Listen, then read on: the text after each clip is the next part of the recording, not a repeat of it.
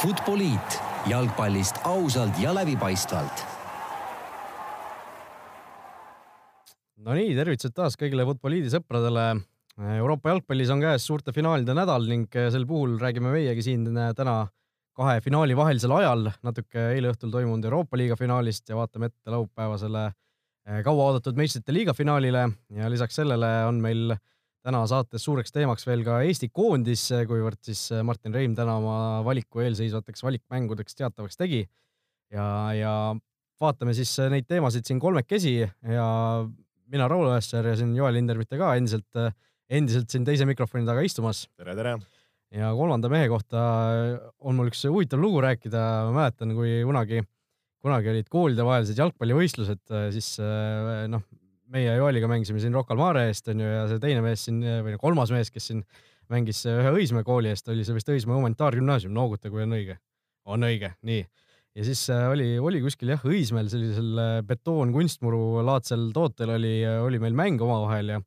ja kohtunikuks oli mingisugune suvaline kehalise kasvatuse õpetaja, kes jalgpallist no öödega mütsi ei jaganud ja ühtegi vilet ei puhunud ja ma mäletan küll, kuidas, äh, kuidas üks üks tüüp seal vastasmeeskonnas oli,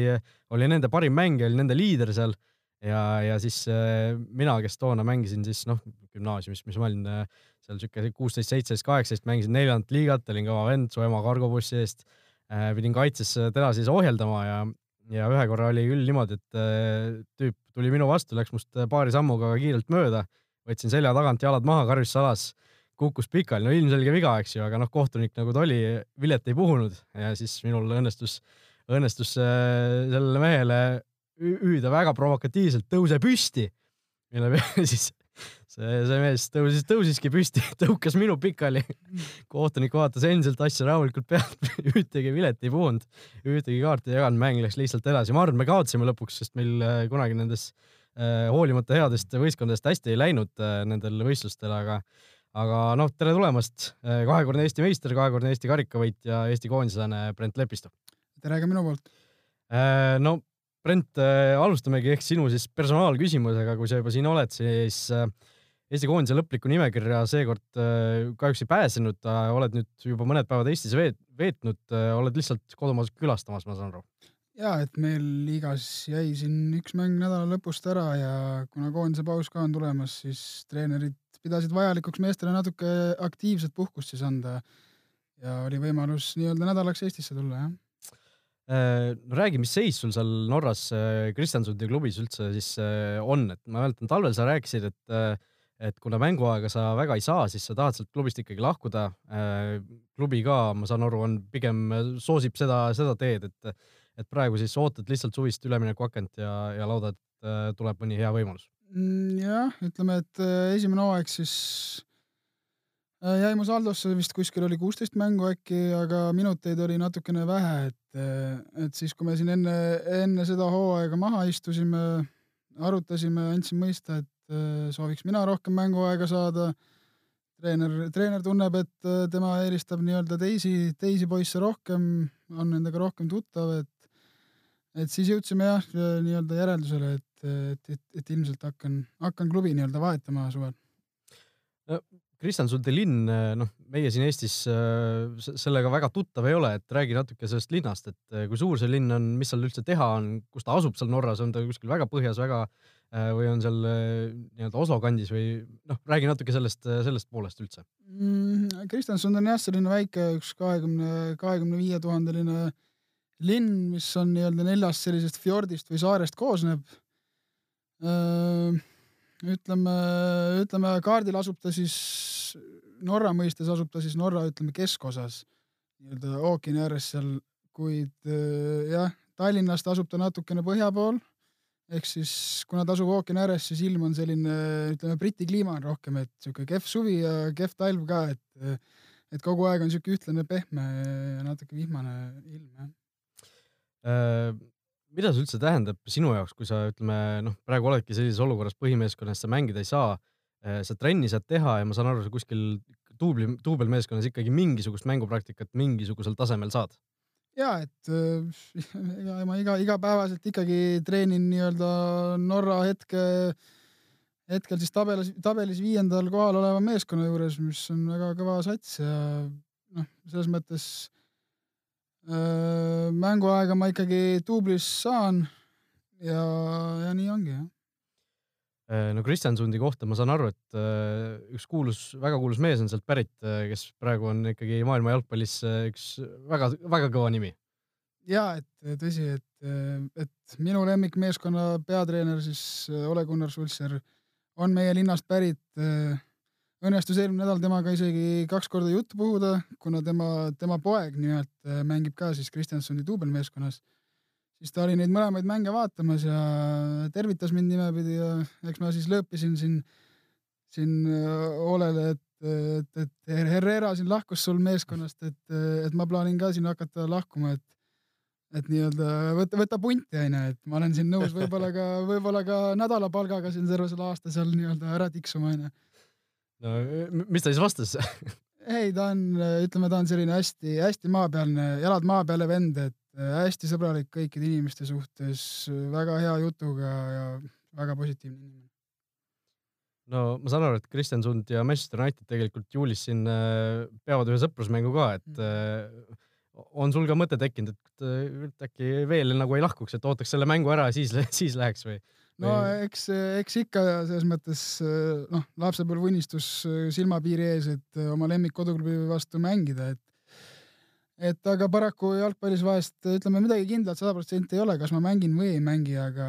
aga jalg, jalgpallis, nagu me teame, siis võib juhtuda lühikese aja jooksul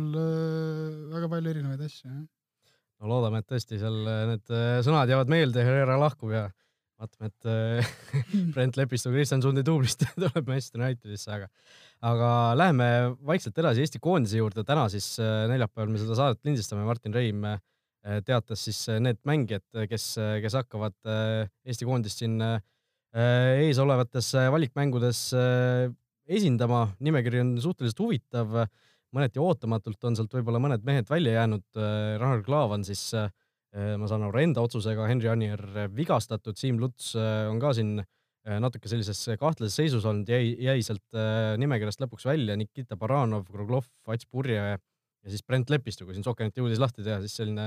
uhke nimekiri siin on, kes, kes kõik välja on jäänud, et äh, no Joel, mis äh, mõtted sul äh, selle, seda nimekirja nähes tekkisid üldse? no eks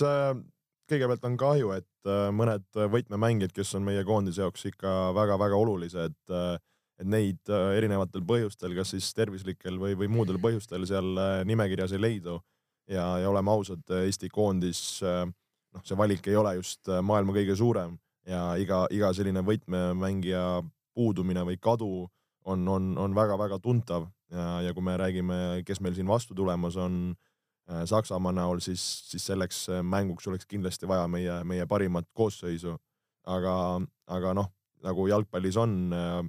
ühe mehe võib-olla õnnetus on teise mehe õnn ja nii edasi, et, et selle, selle puhul on võib-olla meil siin uued noored mehed koondise juurde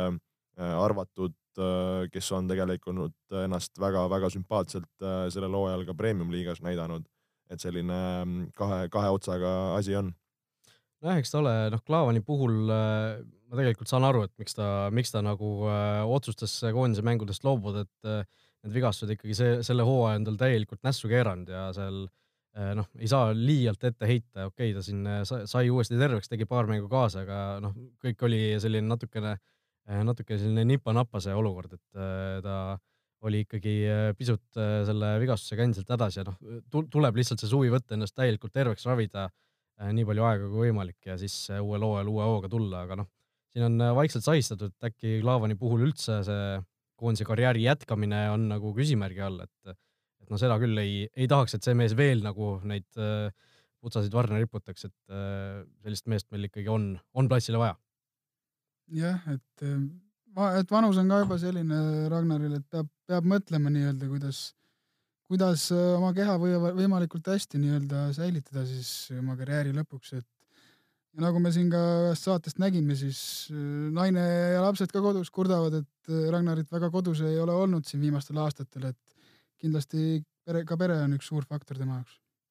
just ja no nendest noortest meestest rääkides, äh, olgu siis nimed ka ära nimetatud, äh, FC Flora poisid kõik on, kolm potentsiaalset debütanti, Vladislav Kreida, Lassi Sinjavski ja Erik Sorga. no Erik Sorga, koondisesse kutsumine minu jaoks ei olnud absoluutselt mingi, mingisugune üllatus, sellepärast et noh, on ta Premium liigas ikkagi neid väravaid kõmmutanud ju sel aastal ikkagi üllatavalt isegi palju äh, Flora eest äh, ja noh, arvestades seda, et Henry Iron on väljas, siis noh, ega meil seal tipuründesse väga palju valikuid ju tegelikult ei olegi. Olen sinuga nõus, et kui kõigepealt Eerikust rääkida, siis tõesti väga suure sammu edasi teinud võrreldes eelmise hooajaga, mängudes olnud väga resultatiivne, hea tahtmisega töötanud, et äh, et tema üle ainult, ainult hea meel, kui rääkida üldisest ründajate seisust, siis tõepoolest on see väga-väga ahtake meil, et Anier väljas, meil on Sapinen, Sapinen ka võib-olla viimase hooaja poolel nii palju mängida ei saanud ega, ega väravaid ei kõmmutatud ja ja kui vaadata, kes siin ähm, nimekirjas võiks veel olla, siis äh, ei ole just üle, üle, ülemäära palju neid mehi, et äh,, et ka oleks võib-olla siin mõni vanem mees, kas Kaimar Saagi näol või,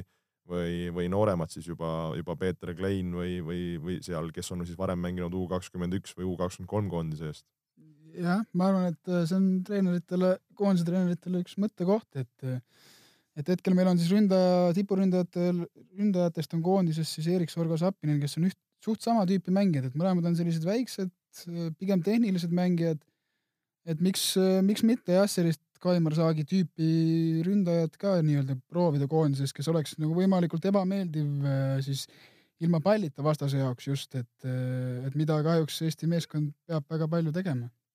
noh, see Saagi küsimus, ma vaatasin igasugustes foorumites ja kommentaariumites ka tõusis kohe üles, et et tegelikult Viljandi tuleviku eest on ta ju sel hooajal päris, päris korralikult mänginud. noh, nii vähe, kui ta nüüd noh, nii-öelda poole hooaja pealt liitus, aga, aga tegelikult on päris hästi silma paistnud, aga noh, amatöörmängija koondises tundub nagu sihuke kentsakas asi, mida noh, Martin Reimi äh, nii-öelda saabastesse pannes ennast äh,, mida nagu teha, et kuidas sa kutsud amatööri koondisesse. ja, aga samas, samas nagu ongi see, et peaks need kõik nii-öelda tiitlid kõrvale jätma ja vaatama nii-öelda konkreetselt siis mänguoskusi siis, et et äh, mul ka Kristjansundis äh, on üks Fääri saarte kutt, kes, kes mängis eelmine hooaeg Kaimariga koos ja see, see poiss räägib ka nii-öelda ainult positiivset Kaimarist ja ütles, et et tõesti väga-väga hea mängija ja väga võitluslik ja selline liidri, liidritüüpi vend, et, et jah. no selles suhtes, et äh, ma mõtlesin ka tegelikult selle peale, et äh, kui need mängud nüüd tulevad, kui me vaatame seda tabelit, noh, tabeli seisu pole väga mõtet vaadata, sellepärast et neid mänge on nii vähe olnud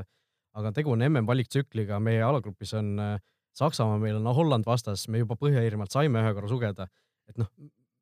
kui me peeg-, noh, reaalselt vaatame peeglist, siis meil ei ole, ei ole erilist võimalust sealt edasi pääseda. no sorry, Brent, ma tean, sa oled äh, koondises mänginud, aga noh, äh, ütleme, kui, kui me jalad maha paneme ja, ja vaatame, siis meil ei ole tegelikult reaalset erilist võimalust siin selle, selles seisus, mis me praegu oleme, edasipääsu peale mängida ja noh, ma leian tõesti, et Martin Reim selles suhtes tegi õige, õiged valikud, et, et pigem see noorenduskuur praegu juba natuke võib-olla mingitele meestele avansile seda, avansina seda mängu, mänguaega pakkuda, seda koondise õhku siis nuusutama kutsuda ja, ja, ja noh, just näiteks Ats Purjede ja noh, kasvõi sellesama Kaimar Saagi asemel, kes on tegelikult ju koondises mõne, mõnevõrra nagu proovitud väärtus juba onju.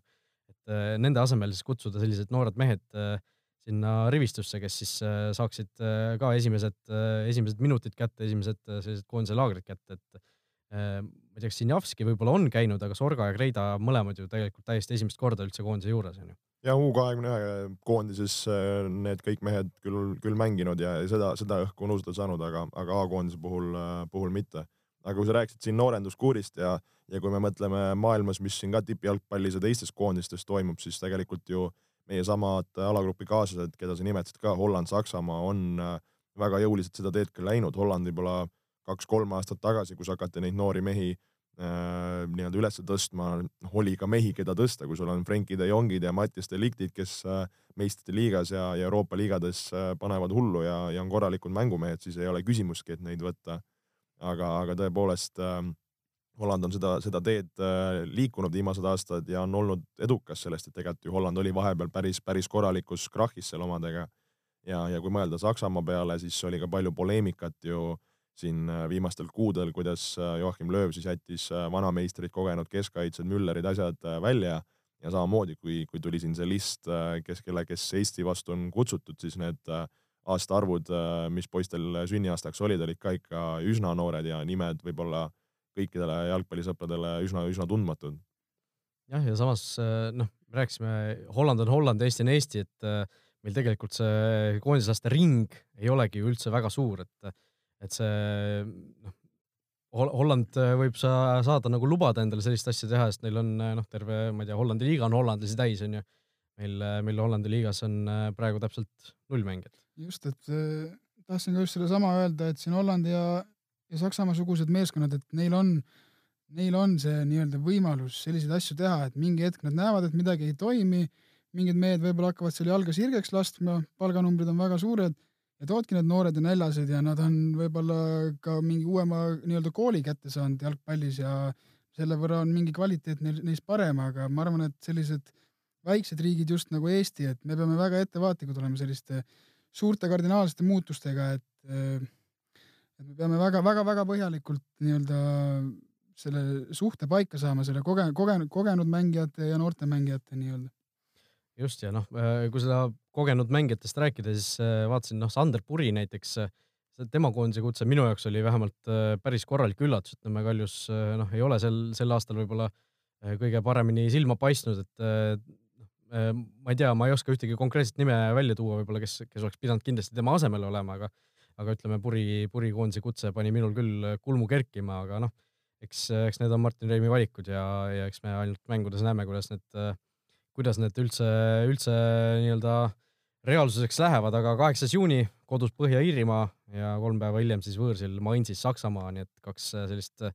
väga kõva mängu on ees. no mina ütlen vähemalt, et kui me nendest kahest mängust saame kätte ühe punkti, ma arvan, et me peaksime olema rahul. no eks äh, see on nüüd jah, koht, mille peale mõelda, et äh, kui, kui kõrgeks seda latti ajada muidugi ju iga mäng, kui me räägime kodus Põhja-Iirimaast, siis, siis ju iga jalgpallisõber ja ma arvan, koondislane, kes sinna väljakule astub, äh, loodab sealt äh, koju minna kolme punktiga. aga, aga noh, esimene mäng äh, Põhja-Iirimaa näitas, nad on väga-väga okei, okei võistkond ja, ja mängivad tegelikult väga head jalgpalli, et, et ma arvan jah, me peame nagu olema, olema realistid, mis seisus me oleme, mis meestega me oleme. muidugi loodame, loodame parimat, aga, aga võib-olla ma arvan, ei tasuks kuidas ma ütlen, liiga, liiga kriitiliselt seda, seda pilti praegu vaadata. no Brent, sa ka tegid siukest hapu nägu, kui ma ütlesin, et ühe punktiga peaks rahul olema. no ütleme jah, et meil äh, ajakirjanikel ja siin Eesti koondislastel võib-olla siis on ka erinevad reaalsused nii-öelda, et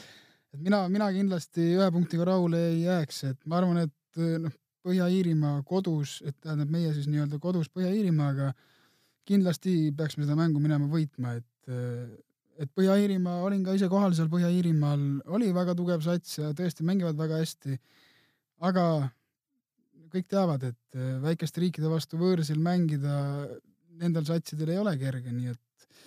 ma arvan, et me peaksime kindlasti Põhja-Iirimaa vastu vähemalt äh, nii-öelda võidu peale minema mängima. noh, võidu peale peaks kindlasti minema mängima, selles ei, ilmselt ei kahtle -hmm. keegi, aga aga lihtsalt noh, seda esimest mängu ka meenutades, siis eh, noh, see oli, oli ikka päris ootamatult eh, kõva isegi vastasseis, mis, mis meile seal pakuti, aga noh, eks, eks me näe, näeme, kuidas, kuidas me hakkama saame. kaitse, kaitse on meil endiselt isegi hoolimata Klaavani puudumisest tegelikult ju päris korraliku tasemega mehed on meil sinna panna, et probleemid ikkagi endiselt tekivad seal eespool, et et noh, ründest me juba rääkisime, aga noh eks näis, äh, tegelikult kui Brent, sina juba siin oled, siis äh, ma tahtsin tegelikult ühe teema kohta veel äh, natuke uurida, et et noh, kui me rääkisime, räägime siin, et Martin Reim täna siin saatis, saatis nii-öelda koondise, koondise kutsed sellele kas kahekümne neljale mäng, mängijale, et kuidas see reaalselt mängija seisukohast see koondise kutse üldse välja näeb, et kas, kas sulle helistatakse, kas sulle saadetakse meil, kas sulle saadetakse postiga mingisugune blankett, et äh, nüüd ilmu sinna, sinna sel kuupäeval, sel kellaajal, et äh, räägi natuke seda protsessi üldse lahti. Mm, jah, et ütleme, see kutse tulebki siis nii-öelda kahes osas, et, et esimene siis kutse tuleb, ütleme kuskil tavaliselt kolm nädalat ennem, see on siis kutse teatamaks, et olete valitud siis nii-öelda Martin Reimi esialgsesse listi. legendid räägivad, et see saadetakse igale jalgpallurile, kes Eestis on selle kohta ma ei oska öelda midagi. Ja siis nii-öelda teine, teine kutse tuleb tavaliselt siis ongi pärast siis tavaliselt Eesti liiga mingit vooru näiteks, et poolteist nädalat ennem või nii, et seekord tuli tõesti väga-väga hilja see viimane, et et eile oli siin see nii-öelda Tallinna derbi veel Levadia ja Flora mäng ja pärast seda nii-öelda treenerid tegid, tegid nii-öelda lõpliku otsuse, et et aga tõesti päris, päris, päris hilja võrreldes, võrreldes muu maailmaga tuleb see meie meie koondise nii-öelda lõplik nimekiri. Ja see tuleb siis äh, meiliga sulle, keegi kuskilt Jalgpalliliidu kontorist saadab kirja, et ja, oled et siin jalg, või, või, jalgpalliliidu mänedžer just saadab, saadab meili ja koos, koos nimekirja ja koos kavaga juba siis.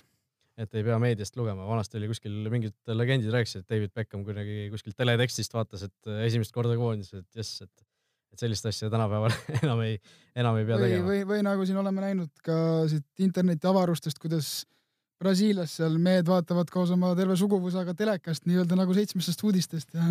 ja saavad sealt teada, jah.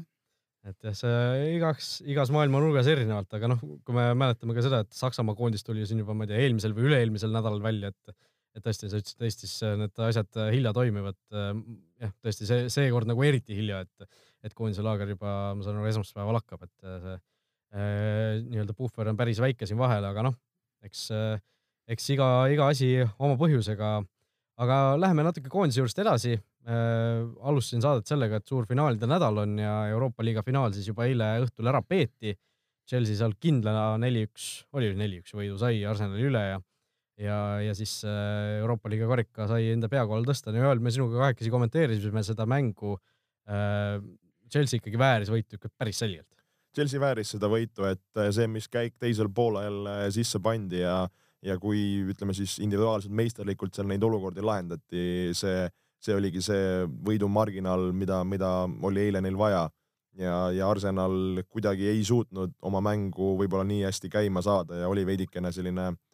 natukene loid või, või kuidagi selline emotsioonitu võrreldes selle Arsenali ja selle tuhinaga, mida me oleme võib-olla harjunud Unai Emeri käe all neid mängimas näha, et et tõepoolest Chelsea sai selle võidu kätte, Eden Hazard muidugi väga-väga oivaline mäng järjekordselt ja, ja väga korralik lahkumiskink talle. jah, ja no räägitakse siin Hazardile lisaks, et ka Sarri võib-olla ikkagi läheb hoolimata sellest võidust ja, ja seostatakse teda Juventusega, aga noh, see see, et Sarri ka nüüd oma, ma ei tea, paarikümne aastase karjääri jooksul oma esimese karika lõpuks kätte sai, see oli ka, seda oli ka tore näha. ja muidugi, et kuuekümne aastane vanara ja, ja tegelikult äh, treeneri karjäär olnud mehel päris pikk, aga ühtegi väga-väga uhket karikat või tiitlit mehel öökapi peal ei olnudki, et kindlasti temalt üliõnnelik. täna ka selle eufooria pealt oli juba meedias näha, et äkki juba rääkis juttu, et äkki jääb et eks ole, eks ole seda näha, aga, aga Brent, kuidas sulle eilne mäng tundus ja, ja kas oli ka midagi üllatuslikku? ja ütleme alguses, alguses isegi ütleme, Arsenal äh, alustas päris okeilt, aga mida mäng edasi, seda, seda nagu sa ütlesid, loiumaks see mäng läks. teine poolaeg Riiet Zoom'ist tuli välja, ütleme, üks suur tiigripere ja teine siuke kassipere, et et Arsenalil kuidagi jääb, jääb tõesti sellisest nagu juba oli Wengeri lõpuajal, jääb sellisest nagu nahaalsusest puudu ja ongi võib-olla siuksed nagu natuke liiga head, head inimesed seal platsil, et et kui sa vaatad, kuidas, kuidas nagu Chelsea mehed, kui nahaalselt seal keskväljal rapitakse vendi, ees palli saadakse, ainuke mõte on, kuidas väravat lüüa, mitte see, et kuidas me mingit kuidagi taktikaliselt peaksime palli hoidma või midagi, et et ma arvan jah, et sihuke emotsionaalselt on, oli nii-öelda Chelsea peajagu üle sellest Arsenalist. ja mis tegelikult ju Arsenali jaoks eriti, eriti nukker on, et äh, mäletavasti Euroopa liiga võitja tagab koha järgmine aasta meistrite liigas ja, ja tegelikult Chelsea Inglismaa liiga kolmanda kohaga selle, selle juba endale tagas, Arsenal jäi mäletatavasti viiendaks ja, ja väga-väga vajas seda, seda võitu just selleks, et, et olla järgmine aasta suurte poiste, poiste liigas ja seal seal tegusid teha ja tegelikult ka, kui mõelda Arsenali suve peale, siis et kui tahetakse omale uusi, uusi mängijaid tuua, siis on üsna raske võib-olla neile seda asja maha müüa, kui, kui sinu liigadeks on Inglismaa liiga ja, ja Euroopa liiga. Jah, minul isiklikult äh, Inglise jalgpalli austajana on nagu päris kahju, et, et me seekord siis nagu taas viit Inglise tiimi meistrite liigas ei näinud, et me sel aastal ju nägime seda, kuidas kõik jõudsid veerandfinaali välja ja, ja olid, olid ikka lõpuni konkurentsis väljas, aga noh, üks tiim veel oleks nagu päris äge olnud, mõtle, kui viis tiimi oleks kõik veerandfinaali jõudnud, et see oleks ju veel, veel nii-öelda ägedam olnud, aga noh, eks seekord läks siis nii ja aga tegelikult üks teema, mis veel ju Euroopa liiga finaalis oli, oli väga suurelt üleval, oli see Hendrik Mihhitarjani personaalküsimus, et, et noh, sellest on juba siin erinevates meediumites Eestis ja välismaal päris palju räägitud sellest, kuidas tõesti armeenlased siis Aserbaidžaanis väga teretulnud ei ole ja, ja kuidas Mihhitarjani siis noh, UEFA lõpuks ikkagi kinnitas, et okei okay,, et sel, sel mehel äh, on nagu turvaline sinna Aserbaidžaani sõita, aga lõpuks, lõpuks ikkagi noh, Mitterrand ise otsustas, et ta ei hakka sinna minema ja noh, mine tea, mis ta oleks seal finaalis suutnud teha, ilmselt noh, tema üksi seda kaotusseisu ei oleks seal võiduks suutnud pöörata või, või tema kohalolek ei oleks ilmselt nii palju seda mängu mõjutanud, aga noh, see selleks printsiip on ikkagi nagu kõige olulisem, et noh, see on täiesti uskumatu olukord tegelikult aastal kaks tuhat üheksateist, et eh, üks mängija ei saa sõita nii suure spordisündmuse finaalile, sest eh, lihtsalt eh, ta ei tunne ennast seal turvaliselt. jah, et kurb, kurb tõesti tõdeda, nagu sa ütlesid, et, et me veel kahe tuhande üheksateistkümnendal aastal peame selliste nii-öelda poliitiliste ja usuliste teemade pärast nagu jalg, jalg, jalgpalli nii-öelda siin mäng, mäng, mängijaid ohverdama finaalmänguks. Ja noh, ma tuletan meelde, Baku on ju tegelikult äh, järgmisel aastal Euroopa meistrivõistluste üks nendest korraldajalinnadest ja noh, mitte ainult alagrupis, neil on ka üks äh, veerandfinaalmäng täiesti, nii et äh, noh, mingisugune väike võimalus on, et Armeenia pääseb sinna ja, ja mis siis, mis siis nagu siis veel toimub, kui Armeenia koondis peaks pääsema sinna veerandfinaali, kus, mis toimub Bakuus, et noh, see no see on juba veidike utoopia, aga, aga huvitav on tõesti selle poole mõelda, et kui sellised asjad peaks juhtuma, aga, aga loodame, et kõik jääb, jääb, jääb viisakaks ja korralikuks. jah, kui kaks tuhat kaksteist, kui Eesti oli seal EM-i lävel, siis tegelikult Armeenia koondis tegi ka oma äh, nii-öelda noh, elu parima valiktsükli seal Mintarjani juhtimisel, nad päris play-off'i ei jõudnud, jäid sellest play-off kohast napilt ilma, aga, aga tegid ka tegelikult väga-väga kõva turniiri, nii et mine tea, see valiksari siin äkki tuleb ka midagi sellist, mida, mida me varem pole näinud ja noh, me teame, see Rahvuste Liiga äh,, Rahvuste Liiga kaudu tulemine on ka siin veel äh, tegelikult ju potentsiaalselt võimalik, et, et äh, noh, peast küll ei tea, kuidas Armeenial seal Rahvuste Liigas läks, aga, aga nad vist olid seal kõige nõrgemas potis, nii et äh, mine tea äh,. võib-olla on mingisugune võimalus seal tekkimas, aga noh, jällegi see on küll teoreetiline võimalus, aga, aga nagu me seekord nägime, siis äh, ükskord need asjad ikkagi saavadki nagu teoks, et Arsenal jõudiski finaali ja Mitterrand oligi Arsenalis ja pidigi Bakuusse sõitma, nii et, et äh, noh, ma leian küll, et selliste suure spordivõistluste puhul noh, UEFA ja FIFA peaksid tegema ikkagi äh, selge sellise otsuse, et äh, kui seal on selline poliitika, et ühe riigi, mingi konkreetse riigi inimesed ei saa ennast seal turvaliselt tunda, siis noh, me ei anna, me ei anna finaale, me ei anna mingisuguseid suurvõistlusi sellele riigile korraldada lihtsalt et see ei ole ikkagi päris normaalne ja noh, teine asi, mis on, et see staadion ise seal okei okay,, kuuskümmend kaheksa tuhat inimest mahutas, aga, aga no atmosfäär oli küll täielik null see oli. Olen sinuga nõus, et äh, kui me seda mängu kommenteerisime ka, siis kui oled tavaliselt harjunud kõrvaklappidest tuleb äh, fännide laul, melu, möll ja, ja kari, et siis äh, oli sihuke teatri, teatrietendus, kus, kus oli isegi mängijate ja treenerite omavahelist vestlust kuulda, et noh, seda on aru saada, kui seal ju eilse ülekande, kes nägid ja kuulasid ka mõlemale Chelsea ja Arsenali fännidele eraldati kuskil kokku ligi kümme tuhat piletit ja ülejäänud kuuskümmend tuhat on sponsorid ja kohalikud, äh, kohalikud tegelased, siis, äh, siis ei olegi seda oodata, et seal üks suur, suur korralik jalgpallipidu püsti ka pannakse. ja, et ma arvan, et seda oli ka esimene poolega näha, et meeste nii-öelda adrenaliini level ei olnud päris, päris seal, kus ta peaks olema finaali ajal, noh ja noh, see kõigile lisaks oli see tribüün, noh, see staadion või noh, väljakust ka siis mingisugune seitsmekümne meetri kaugusel vähemalt siuke mulje jäi, et noh, et umbes pead seal binokli kaasa võtma, et üldse midagi, midagi näha, et noh, niimoodi ei saagi mingisugust erilist melu seal tekkida. aga loodame, et melu tuleb parem siis meistrite liiga finaalis sel laupäeva õhtul kell kümme Madridis siis see peetakse suurel Atletico uuel uhkel kodustaadionil. kaks Inglise klubi sealgi vastamisi, Liverpool ja Tottenham. noh, lihtne küsimus, Brent, kes võidab? Liverpool minu pakkumine läheb ka Liverpoolile, aga, aga finaalid on alati veidikene erilisemad ja, ja kui, kui noh, selline lihtne loogiline vastus oleks Liverpooli näol, siis äh, kunagi ei tea, kuidas nüüd finaali läheb, kes saab esimese värava kätte, milline on see mängu dünaamika, et seal, seal võib selle koha pealt kõike juhtuda. aga, aga kui peaks siin midagi lukku lööma, siis, siis punased mehed. no mul on täiesti äh, enne mängu, mul tavaliselt on selliste asjade puhul nagu mingisugune konkreetne tunne, et kes, kes võiks nagu võita ja noh, mis seal saate vahel on õige ka onju. aga noh, see seekord nagu täiesti fifty-fifty minu jaoks, et äh, ühest küljest äh, noh, Liverpool on lihtsalt nii kvaliteetne olnud see hooaeg, nad peaksid nagu loogilises mõttes soosikud olema. aga noh, me teame seda Kloppi finaalide saldot, eks ju, palju see on, viimased kuus finaali järjest? viimased kuus finaali ei ole suutnud äh, Jürgen Klopp võita ja Liverpooliga ka kolm, kolm tükki on tal võimalus olnud karikaid tõsta, aga ei ole seda suutnud. kõige valusam võib-olla eelmise aasta, eelmise aasta finaal mäletame, kus, kus jäädi, jäädi päris korralikult alla ja, ja oli ka seal muud, muud trianglid selle ümber aga kui korra siin Kloppist juttu tuli, siis tegelikult äh, Liverpoolis seis ja, ja Klopp, äh, mida ta pressikonverentsil mainis, et ta, ta tunneb, et see võistkond, kellega minnakse seekord finaali mängima, on, on nii-öelda kõige tugevam võistkond, millega ta on mänginud. ja, ja kui me mõtleme ka selle hooaja peale, kui me oleme siin rääkinud Inglismaa liigast ja, ja mis seal toimus, siis tegelikult ikka ju väga hea hooaeg äh, Liverpoolit suures pildis ja ollakse nii mänguliselt kui võistkonnana väga heas seisus et, äh, et selles suhtes pean, pean Kloppiga nõustuma, et tõepoolest tundub nende võistkond äh, enne finaali väga kõva. Huvitav on just minu arust see, et, et nii Liverpool kui ka Tottenham on nii-öelda sellised viimaste aastate nii-öelda suured tulijad jälle. et Liverpool teame kõik, et on olnud selline tipptiim, aga viimastel, ütleme viimasel kümnendil on neil olnud nii mõõnasid kui ka tõuse. et nüüd kaks aastat järjest finaalis, eelmine aasta Kiievis said kahjuks tala, aga aga ütleme, Liverpool on jah, sellise hea treeneri, heade mängijate ja sellise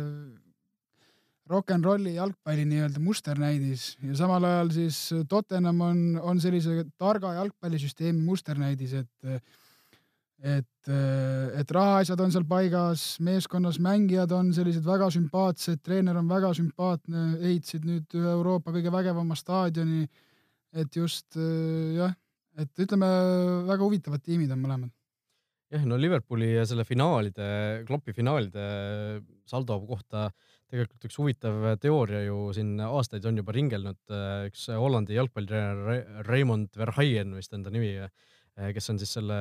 periodisatsiooni vist on see eesti keeles. periodiseerimine. jah, periodiseerimise eesti keeles siis selle suur selline noh. kuru kuru, ütleme et äh, sina lõpeta mu laused siin no ma olen Verheieni koolitusel käinud, ma no, tean, mis mees räägib. et, et, äh, tõesti see, ta ju kogu aeg on rääkinud seda, et Klopp, äh, Klopp ei tegele sellega piisavalt, ta kulutab oma meeskonna liialt seal hooaja esimeses faasis läbi ja sellepärast need äh, hooaja lõpud alati vajuvadki ära. et aga noh, isegi seesama Verheyen ise on ju nüüd rääkinud, et jah, et Klopp on, on oma õppetunnid kätte saanud, ta on teinud muudatusi ja nüüd peaks see meeskond nagu kauem vastu pidama, et see noh, kui siin Tottenhami nüüd suudetakse võita sellesama rock n roll jalgpalliga, eks ju, millest äh, Brent rääkis, et see, siis see nagu on tõestus sellest, et see kõik tõesti ikkagi noh, see muudatus on olnud õige ja see asi, asi, asi lõpuks nagu toimib. Nojah, ja lisaks praegu siin ju tegelikult Inglise hooaeg lõppes päris sammu aega tagasi, et võistkond on saanud siin energiat koguda, käidi Marbellas laagris ja ja käis äh, kuskil siin sotsiaalmeedias levisid pildid ka, kuidas Jürgen Klopp kuskil ähm, ranna, ranna lounge'is äh, mõnusalt diivani peal vesipiipu kimub ja, ja elu naudib, et äh, usun, et Liverpooli võistkonnal on akud, akud laetud ja ja, ja kas ma mäletan õigesti, Brent, et ka teie, kui te käisite Marbellas laagris, kohtusite seal äh, mingi Inglise, Inglise liiga võistkonnaga? ja Liverpool viibis ka samal ajal Marbellas laagris jah, et et äh, nägime ka neid mehi nii-öelda ratast, ratastel trenni sõitmas, et. siis sa ei sõitnud rattaga? ei, aga kunagi ütleme, kui ma Florasmäel mängisin, käisime Austrias laagris, siis äh, Maksim Kuusjev korraldas küll ühe korraliku fiasko nii-öelda. enne, enne trenni siis äh, üle nipli lennata põlved puruks, et ei ole, ärge tehke ei tasu rattaga sõita, ma mäletan Kuno Tehva ka vist äh, pani seal mingisuguse pildi üles, Nõmme Kalju oli ka vist sealsamas, kui see, kui sa räägid. suvel oli jah, Kalju käis. jah, see oli. vabandust, talvel, talvel, talvel. sel talvel siis jah, et ja tal oli ka kuskil video, kus need äh, klopi mehed seal ratastega mööda kimavad, et, et äh, tundub jah, et äh, nemad, äh, nendel ühtegi sellist fiaskot veel pole, pole olnud, et ma ei mäleta, kas kiivrid olid meestel peas või ei olnud, aga, aga tõesti noh vaatame, kuidas see mäng läheb. no Liverpooli kaotus mõnes mõttes oleks natuke hale naljakas, et neid Liverpooli fänne on ju äh, nii palju, kes, kes on siin rääkinud, et meil ei ole ühtegi tiitlit ja me, me ei ole võitnud midagi ja noh, Premier League'ist jäädi jälle ilma ja, ja nagu siin ka nüüd jälle sellest tiitlist ilma jäädaks, siis noh, see, see oleks lihtsalt nagu koomiline natukene no see oleks päris raske neil üle elada, et äh, kui meil käis siin ka Jürgen Leesmann natuke aega külas, siis äh, tema seda agooniat ja, ja ootusärevust oli, oli tunda ja näha, et äh, et tõesti tegelikult ju väga hea hooaeg tehti ja nüüd võimalus teist aastat järjest äh, finaalis olla ja, ja mõnes mõttes nagu uus, uus leht keerata ja selline hea tuhin äh, üles saada, et äh, et väga-väga oluline Liverpooli jaoks, kui, kui Liverpooli koosseisust enne, enne mängu rääkida, siis äh, tundub, et asjad on enam-vähem äh, nii, nagu neil vaja on, et äh, need mehed, kes on vigased, ainuke selline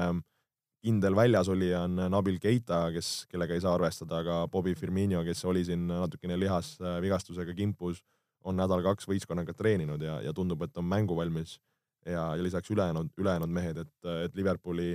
seisukohast tundub, tundub kõik hästi ja roosiline samuti, samuti ka Tottenhami kapten on tagasi, Harry Kane, et, et kindlasti Tottenhamile on see nii-öelda väga-väga suur pluss. muidugi, sest ju tegelikult äh, Tottenham äh, Harry Kane'ita oli näha, et noh, otsiti meest, äh, kes, kes tassiks ajaksi vastu, oli see mees Lukas Moura, et et Tottenhami jaoks ka kindlasti üliülioluline ja, ja, ja kui me räägime finaalidest, siis finaalid on tihti sellised, kus, kus sul on vaja seda ühte otsustavat puudet, head lööki, individuaalset meisterlikkust ja, ja kui sul on selliseid mehi väljakul võtta, siis äh, seda, seda toredam ja, ja rõõmsam ka see sul võib-olla seis võib olla.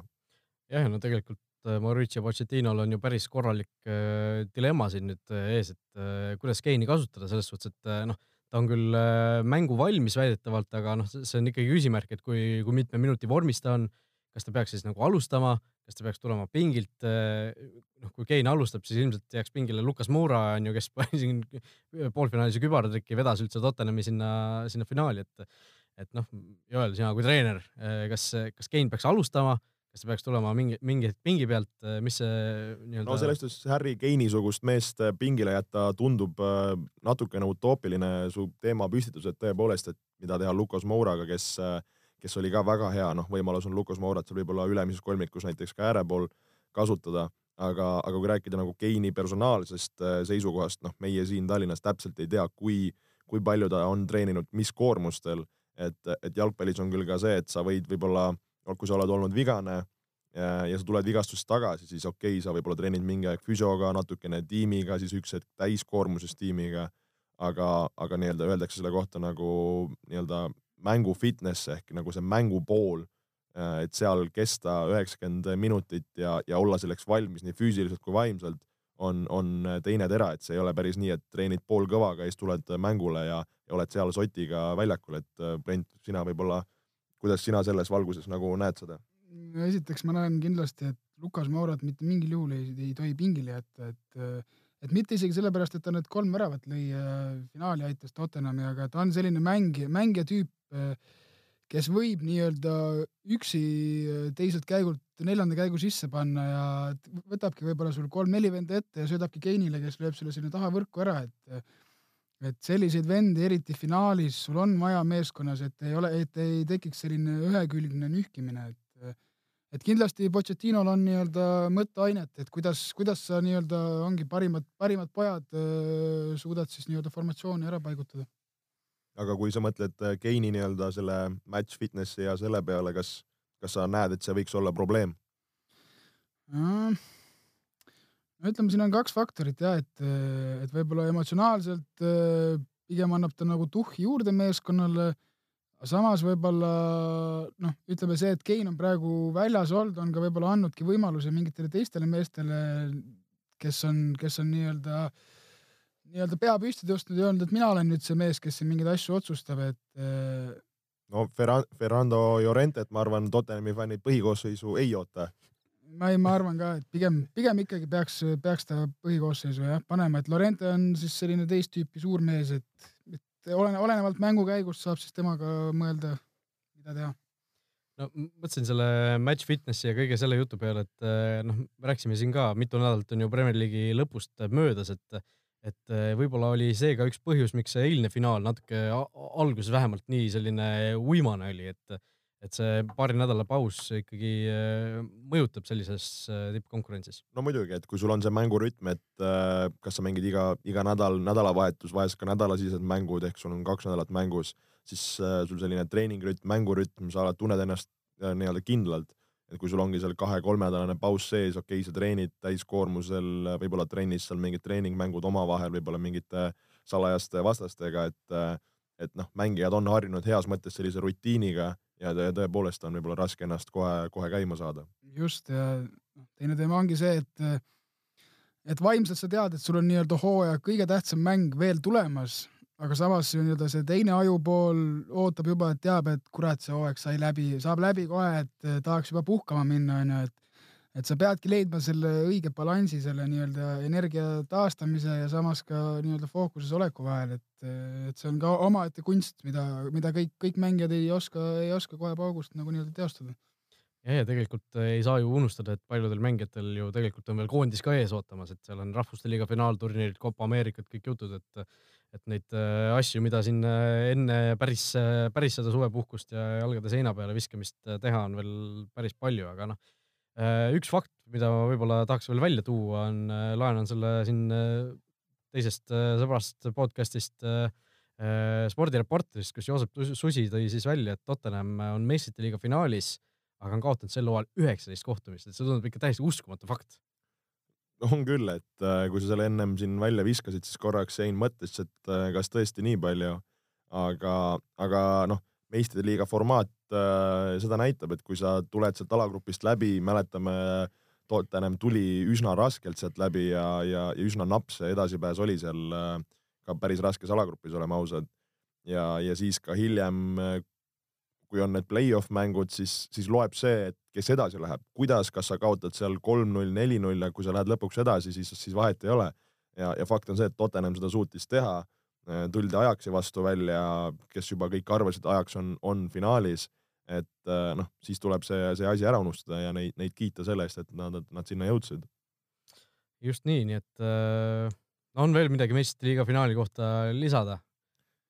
no tuleb kindlasti äge mäng, tuleb kindlasti äge mäng, et äh, loodame, et on ka selline fina-, finaali vääriline mäng, et äh, kahel korral need mehed, vabandust, need meeskonnad äh, Premier League'is kohtunud, mõlemad korrad Liverpool kaks-üks peale jäänud. eks äh, Tottenhamil on nendest mängudest äh, midagi kaasa võtta, ära läbi analüüsida ja, ja juurde panna.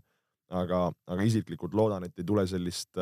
hiilimist või luuramist või sellist tagasihoidlikku mängu finaalis. et tegelikult ju mõlemad võistkonnad armastavad jalgpalli mängida, ilusat mängu mängida, et võiks tulla sihuke korralik andmine mõlemalt poolt ja ma ei tea, neli-neli, viis-neli, sellist, sellist mängu tahaks mina, mina, mina eeldan ka, et tuleb, tuleb hästi põnev ja tuleb selline isegi lahtine finaal natuke noh, võrreldes eelmiste finaalidega, sest et nagu mul viimastel aastatel tunne on, on, siis Liverpool on, ma arvan, üks kõige atraktiivsema mänguga meeskondi maailmas üldse, et, et kui Liverpool mängib, sa tead, et sealt sa võid tulevärki näha, et mitte nagu siis minu, minu, minu lemmikmeeskond no sinu lemmikmeeskonna kohta, minu lemmikmeeskonna kohta, et äh, mäletame ju seda, et Pochettino ütles, et kui ta Tottenhamiga meistrite liiga võidab, siis ta lahkub, lahkub Tottenhamist, et siis on kõik tehtud, et et võib-olla siin mõned Unitedi fännid äh, hoiavad ka selle peale pöialt, et äkki, äkki Tottenham võidab, Pochettino tuleb Unitedisse hoopis Solskjaeri asemel, aga aga, aga noh, selle Solskjaeri teema juurde tagasi tulles, siis äh, kui sa Kristjansundis olid, äh, sa olid ilmselt seal sel hetkel, kui Solskjaer üldse sai Unitedi peatreeneriks onju, et et äh, see kõik tuli nagu suhteliselt ootamatult, et mis, mis meeleolud seal linnas valitsesid, inimesed tulid tänavale pidutsema nagu Soome siin hoki mm tiitli puhul äh, või kuidas see välja nägi? no ütleme ja, et, et Norras on seda tunda, et seal on kahele meeskonnale hoitakse pöialt, üks on siis United tänu siis nii-öelda Sulserile juba üheksakümne üheksandast aastast ja nii edasi, et et siis tekkis need esimesed Unitedi fännid, samuti on Liverpooli fänne palju, siis Jon-Arne Riise, kes seal on mänginud et nüüd on need äh, Unitedi fännid jälle nii-öelda neid Liverpooli vendi nii-öelda hordides üle, üle trumpamas, et äh, et mängupäeval jah, nii-öelda baarid on äh, paksult Unitedi fänne täis, suurelt on lipud üle rõdude visatud, Ule legend ja nii edasi, et et tõesti, tõesti nii-öelda Kristjanson elab, elab Manchester Unitedi rütmis praegu jah. no kui sa ütlesid ka, Sulskjäriga eelmine nädal kaks korda kohtusid, et on ta siis nagu äh, selline väga oma mees seal, et lastakse tal kõike, kõike teha, umbes nagu Andrus Veerpalu kuskil Otepääl onju, või, või on ta, on ta siis selline ikkagi superstaar juba, et kõik äh, tänaval rahulikult käia ei saa, kõik teevad pilti, kõik tulevad juttu puhuma, et äh, kumba pidi see tema puhul on läinud? no pigem, pigem on ta ikka selline, kõik võtavad teda kui nagu sellist nagu perekonnaliiget, et ei survestata liialt, et ta tulebki mängule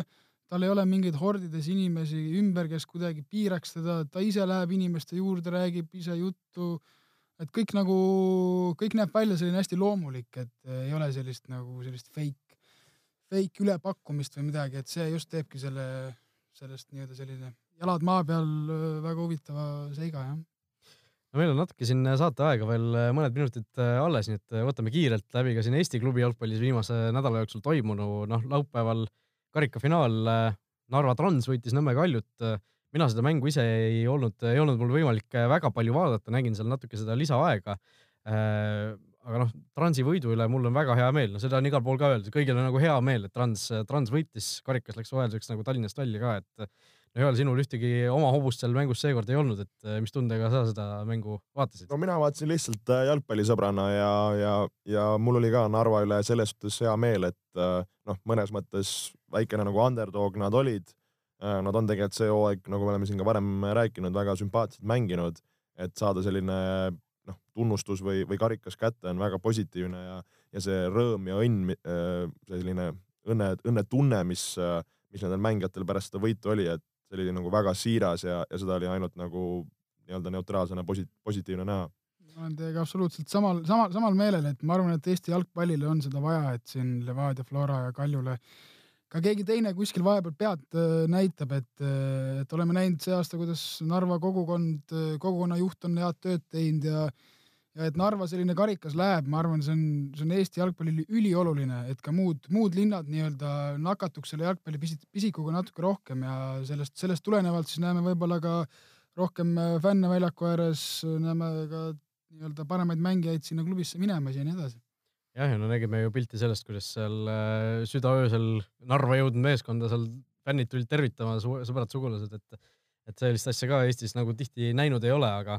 aga siin äh, nädala sees toimusid ka huvitavad premium-liiga mängud. Äh, eile siis äh, kõige olulisem neist Flora Levadia Lillekülas üks, üks-kolm, et Brent, ma saan aru, sa eksperdina jälgisid seda mängu tribüüni pealt ka, et mis, mis see sinu hinnang siis on, et kas Levadia, Levadia on nüüd tagasi suures mängus?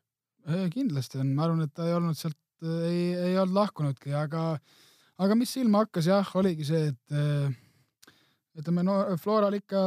noor meeskond ja tunda oli, et eh, mehed pigem, pigem läksid mängima nagu nii-öelda selle mitte kaotuse peale ehk siis viigi peale või võidu onju. aga Levadial oli nii-öelda ainult üks, üks asi silme ees, see oli võit ja kolm punkti onju. et ma arvan, et mäng, mängupilt, mängupildis see ka peegeldus, et eh, lihtsalt Levadia oli, oli, oli eile natuke näljasem. Kael, mis sa, mis sa arvad ise? olen eh, selle koha pealt nõus, et seda Levadia nälga ja, ja tuhhi oli, oli kõvasti näha ja, ja see pressing ja energia, millega nad tulid äh,, halvas päris korralikult meie mängu, olime hädas seal mängu ülesehitusega ja, ja palli ülesviimisega ja, ja kui, kui ise me oleme harjunud võib-olla rohkem palliga mängima ja, ja see äh, nii-öelda meilt ära võeti, siis, siis meie mäng nii hästi ei toiminud, kui ta sellel hooajal varasemalt äh, oli toiminud, et äh,, et tõesti selles suhtes valus kaotus aga, aga noh, siin ma räägin, et ei, hooaeg on nii varases staadiumis, suured derbid,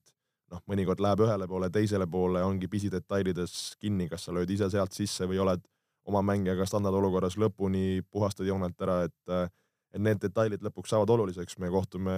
sellel hooajal nendega kaks korda veel, meil on võimalus vigade parandust teha ja ja siin on veel hooaega pikalt minna, et noh,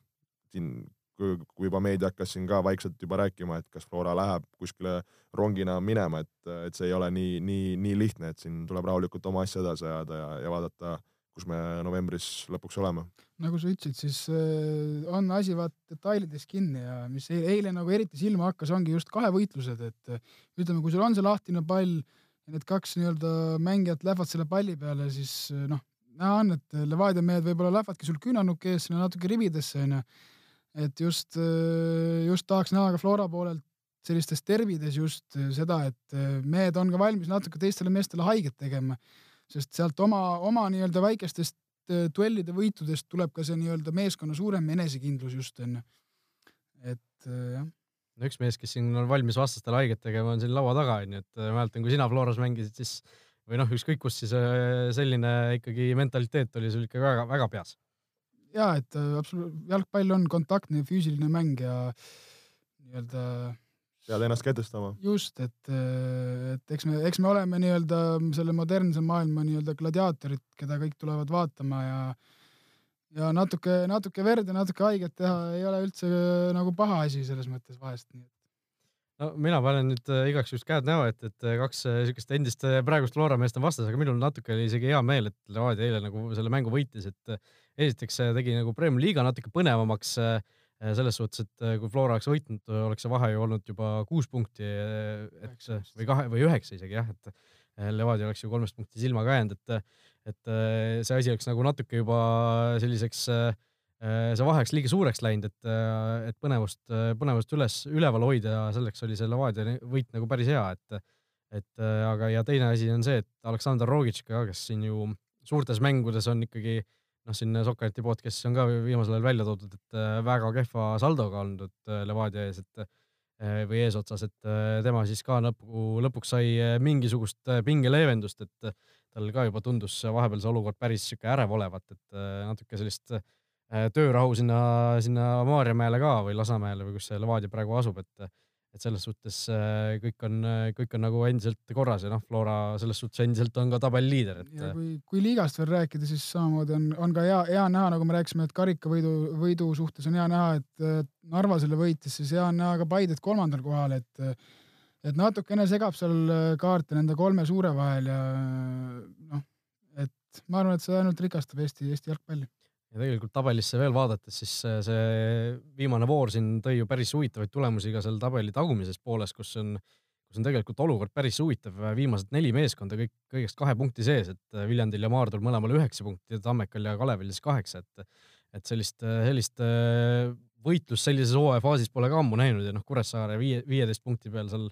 on ikkagi selgelt noh, üle ootuste praegu mänginud olen nõus, olen nõus, et äh, seda me ju tahame, et meie liiga oleks võimalikult ühtlane ja iga koha puhul käiks siis korralik võitlus, et kui me suudame üks hetk oma liiga nagu veel tugevamaks ka altpoolt saada, siis, siis see on ainult kasulik Eesti jalgpallile ja, ja me võidame sellest kõik, aga, aga tõesti praegu see selle aasta Premiumi liiga noh, on, on seda põnevust, kirge, emotsiooni kõike, kõike juures ja seda, seda on alati ainult rõõm tõdeda vot nii, sellised olid jalgpallijutud täna. aitäh, Brent, äh, veel kord saatesse tulemast. aitäh, kutsumast. aitäh ka Joolile ja, ja oleme siis juba tagasi järgmisel nädalal, äh, kui me saame rääkida siis meistrite liiga sellest finaalist, finaali järelkajadest ja juba, juba siis täpsemalt ka natuke Eesti koondise tegemistest rääkida, sest kui järgmisel neljapäeval me eetris peaksime olema, siis juba kahe päeva pärast on see esimene mäng Põhja-Iirimaaga ees ootamas, nii et äh, tänud ka kõikidele kuulajatele ja kohtumiseni juba järgmistes saadetes. olge mõnusad. nägemist. Futboliit jalgpallist ausalt ja läbipaistvalt